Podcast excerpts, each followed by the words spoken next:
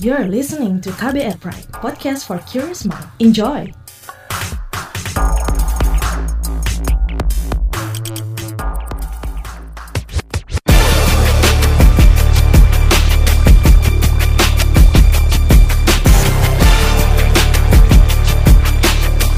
Cek fakta, cek fakta, cek fakta.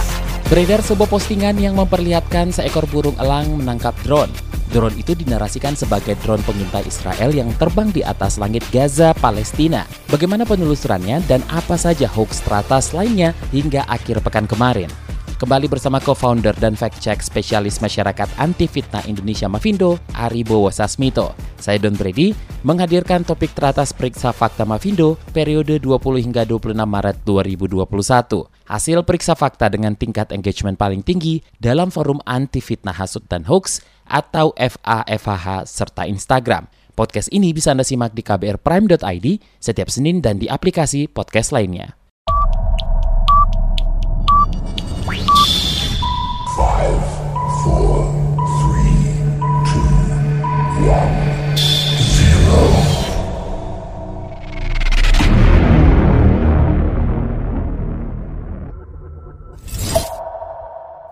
Number 5. Di posisi kelima, postingan soal drone pengintai Israel terbang rendah di atas langit Gaza, Palestina. Sebuah akun Facebook mengunggah sebuah foto yang memperlihatkan seekor burung elang menangkap drone. Drone dalam foto itu diklaim sebagai drone pengintai milik Israel yang terbang di atas langit Gaza, Palestina yang kemudian ditangkap oleh burung elang. Bagaimana penelusurannya nih, Mas Ari? Peringkat kelima, hasil penelusurannya ini ditemukan foto yang identik di situs gettyimage.com. Getty Image sendiri sudah cukup kredibel, sudah cukup mempunyai reputasi yang bagus sebagai penyedia foto yang bisa dipegang kredibilitasnya karena banyak digunakan untuk sumber-sumber foto, misalnya untuk ilustrasi. Ini media-media besar seluruh dunia mengambil referensinya dari Getty Image. Nah, di deskripsinya diberitahukan bahwa ini hasil karya fotografer Kun Van Wil, semoga betul pengucapannya dokumentasi dari burung elang yang sudah dilatih terlatih dari perusahaan namanya God from Above. Nah dia ini sedang menangkap drone di acara latihan polisi di Katwijk Belanda di 7 Maret 2016 gitu. Jadi tidak ada hubungannya dengan Israel karena secara 5W1H where atau asdikamba apa siapa di mana kapan mengapa bagaimana D-nya itu jauh tidak ada hubungannya dengan Palestina dan Israel begitu.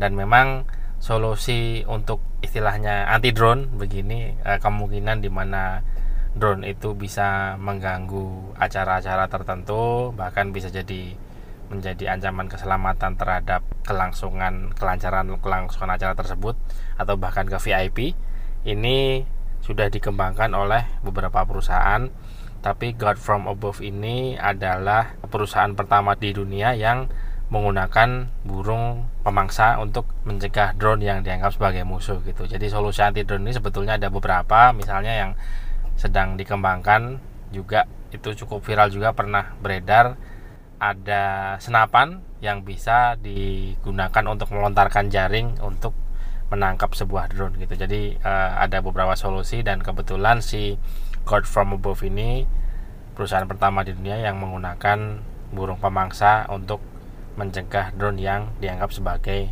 musuh atau pengganggu. Number 4. Di posisi keempat unggahan soal seorang anak meninggal di pinggir jalan karena kelelahan dan kedinginan. Sebuah akun TikTok memposting sebuah video seorang anak kecil yang diklaim meninggal dunia karena kelelahan dan kedinginan. Video yang dimaksud dapat dilihat di forum anti fitnah hasut dan hoax atau FAFHH. Nah, siapa yang ditampilkan dalam video itu Mas dan apa ini kategorinya?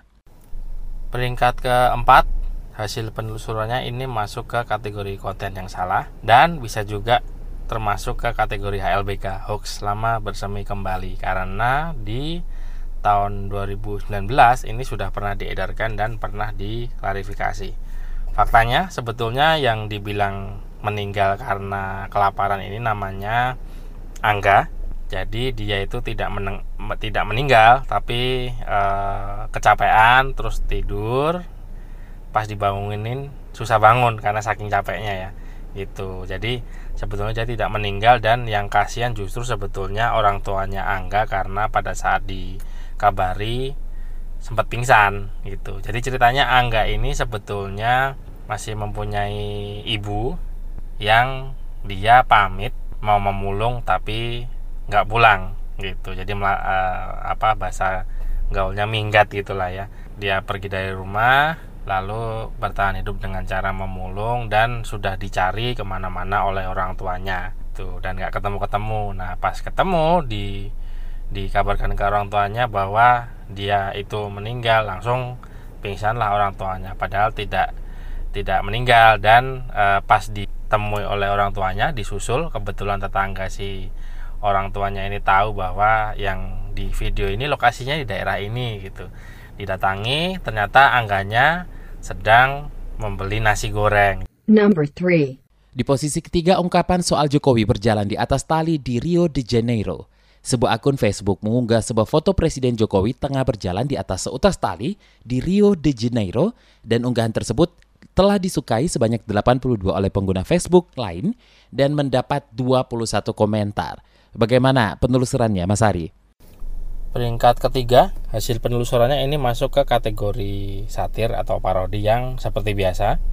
Kalau satir atau parodi itu biasanya menggunakan gambar hasil suntingan yang sebetulnya untuk orang yang tahu bahwa sebuah foto itu bisa disunting. Jangankan foto, sekarang ini kan zamannya sudah mulai uh, mulai mengemuka, mulai terkenal yang namanya deepfake ya. Jadi video yang bisa disunting menyerupai dengan menyerupai seperti video yang asli gitu. Ini di luar CGI ya, computer generated imagery. Jadi kalau di film Avenger itu banyak menggunakan CGI. Nah, kalau deepfake itu contohnya waktu itu di ditampilkan ada salah satu komedian di Amerika yang bisa menirukan suaranya Obama lalu digabungkan dengan deepfake. Jadi kelihatan bahwa seperti Obama yang sedang ngomong jadi di sekitar bagian e, mulutnya itu disunting lalu di diambil gambar dari si komedian ini sedang berbicara digabungkan jadi seperti mirip bahwa benar-benar Obama yang ngomong gitu. Dan yang lebih baru lagi deepfake-nya Tom Cruise. Di situ dia menampilkan e, seperti sedang sulap koin padahal pada kenyataannya itu bukan videonya Tom Cruise. Nah gitu. Nah kembali ke topik. Untuk video saja sudah bisa disunting menggunakan teknik deepfake apalagi gambar gitu. Dan seperti biasa di kategori yang satir parodi ini muncul komentar-komentar yang seperti ah gitu doang diperiksa gitu. Ah admin mainnya kurang jauh padahal untuk satir dan parodi ini tidak semua bisa paham bahwa ini maksudnya parodi ini maksudnya lucu-lucuan masih ada saja orang yang tidak paham bahkan salah satu indikator sebuah satir atau parodi yang sukses itu justru pada saat banyak orang yang salah paham gitu. Tapi yang perlu diketahui adalah pemeriksa fakta itu bukan pemeriksa motif. Kalau satir atau parodi itu kan maksudnya ya.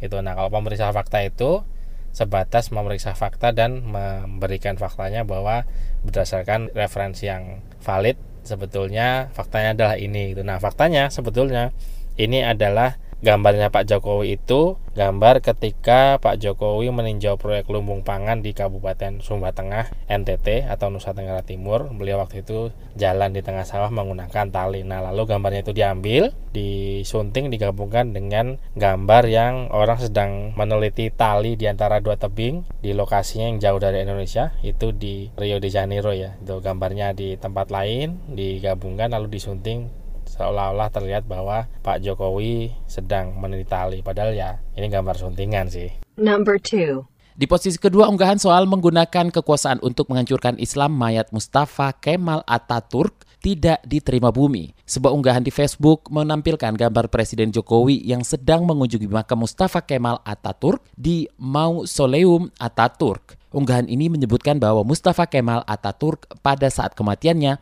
tidak diterima di liang lahat karena semasa memiliki kekuasaan dipakai untuk menghancurkan Islam. Bagaimana penelusurannya? Peringkat kedua, ini hasil penelusurannya masuk ke kategori konten yang menyesatkan sekaligus HLBK, hoax lama bersemi kembali, karena di tahun 2016 lalu sudah pernah kami buatkan artikel periksa faktanya. Nah, setelah ditelusuri klaim atau narasi yang dibuat oleh sumber itu tidak ada bukti sejarah apa pun yang bisa menjelaskan klaim tersebut bahwa klaimnya valid dan kebenarannya tidak bisa dibuktikan juga karena klaim sepihak itu dan sayangnya adalah sebetulnya yang digunakan untuk bahan hoax ini Kemal Ataturk itu sebetulnya tokoh yang cukup dihargai secara sejarah oleh masyarakat Turki gitu. Jadi silahkan dibayangkan saja gimana perasaannya kalau tokoh orang Indonesia digunakan sebagai korban atau bahan pelintiran oleh orang-orang di luar negeri. Tentu saja kita nggak mau ya, tentu saja kita marah. Nah ini eh, tokoh yang sebetulnya cukup dihargai secara sejarah oleh penduduk atau orang-orang di Turki bahwa uh, Mustafa Kemal Atatürk itu termasuk sebutlah seperti Soekarno di Indonesia begitu ya gitu. Jadi uh, sekali lagi intinya adalah bahwa sebetulnya ini hoaxnya berulang sudah kami klarifikasi di 2016 karena tidak ada bukti sejarah yang bisa menjelaskan atau menguatkan dan membuktikan klaim pelintiran yang disebut di sumber artikel dari uh, hoax bahwa dibilang uh, Kemal Ataturk itu menghancurkan Islam dan tidak dapat diterima oleh bumi pada saat dikuburkan. Number 1. Di posisi pertama postingan soal berita pria mengamuk karena janda yang dinikahinya tidak perawan lagi. Sebuah akun Facebook memposting gambar seorang laki-laki yang sedang digiring polisi. Seorang laki-laki tersebut diklaim mengamuk karena janda yang dinikahi tidak perawan lagi. Dalam gambar tersebut juga terdapat tulisan detik.com. Bagaimana nih penelusurannya Mas Hari? Peringkat ke satu, setelah ditelusuri ini masuk ke konten yang salah yang kenapa bisa masuk ke peringkat satu? Karena sebetulnya untuk orang-orang yang mampu untuk tahu bahwa ini satir, sarkas atau parodi untuk bercandaan itu mereka komentar bahwa ya seperti biasa ya. Ya begini dong diperiksa anak SD aja tahu gitu. Padahal orang-orang yang sama sering bilang bahwa jangan sampai ini masuk ke grup WAG bapak-bapak ibu-ibu nanti dikira beneran nanti kita yang dimarahin kayak begitu. Jadi memang masih ada juga orang-orang yang sampai sekarang bahwa yang dia atau mereka tahu atau tidak tahu itu bukan berarti orang lain harus tahu atau tidak tahu seperti tahu atau tidak tahunya mereka gitu. Nah hasil pemeriksaannya sebetulnya ini eh, walaupun masuk ke satir tapi lebih masuk ke kategori konten yang salah karena gambar yang aslinya itu gambar dari artikel yang judulnya tim Gegana sukses ringkus orang gila di Mojokerto yang mengamuk di 6 Maret 2018 itu tampil di salah satunya di media detik dipelintir menjadi tadi ya. Berita hari ini pria ini mengamuk karena janda yang dinikahinya tidak perawan lagi gitu. Jadi eh, aslinya foto apa lalu digunakan diambil dikeluarkan dari konteks aslinya menjadi sesuatu yang lain gitu. Dan jangan lupa bahwa uh, walaupun niatnya bercanda hal-hal seperti ini masuk juga ke nama baik sebuah media kredibel gitu. Di mana kadang-kadang sering muncul tangkapan layar itu muncul sama dengan bersamaan dengan nama medianya gitu. Kebetulan kali ini cuma diambil fotonya tapi sering juga ditampilkan nama medianya. Bisa dengan foto tangkapan layarnya itu kelihatan jelas nama media lalu judulnya disunting gitu. Jadi itu berkaitan sekali lagi dengan nama baik media. Jadi pada intinya ini adalah gambar aslinya itu salah karena laki-laki yang difoto ini ngamuk bukan karena janda yang dinikahinya tidak perawan lagi itu klaim pelintirnya tetapi sebetulnya karena mengidap gangguan jiwa yang sedang diamankan oleh tim Gegana pada tahun 2018. Itu dia tadi topik teratas periksa fakta Mavindo periode 20 hingga 26 Maret 2021, hasil periksa fakta dengan tingkat engagement paling tinggi dalam forum anti fitnah hasut dan hoax atau FAFHH serta Instagram. Mas Ari?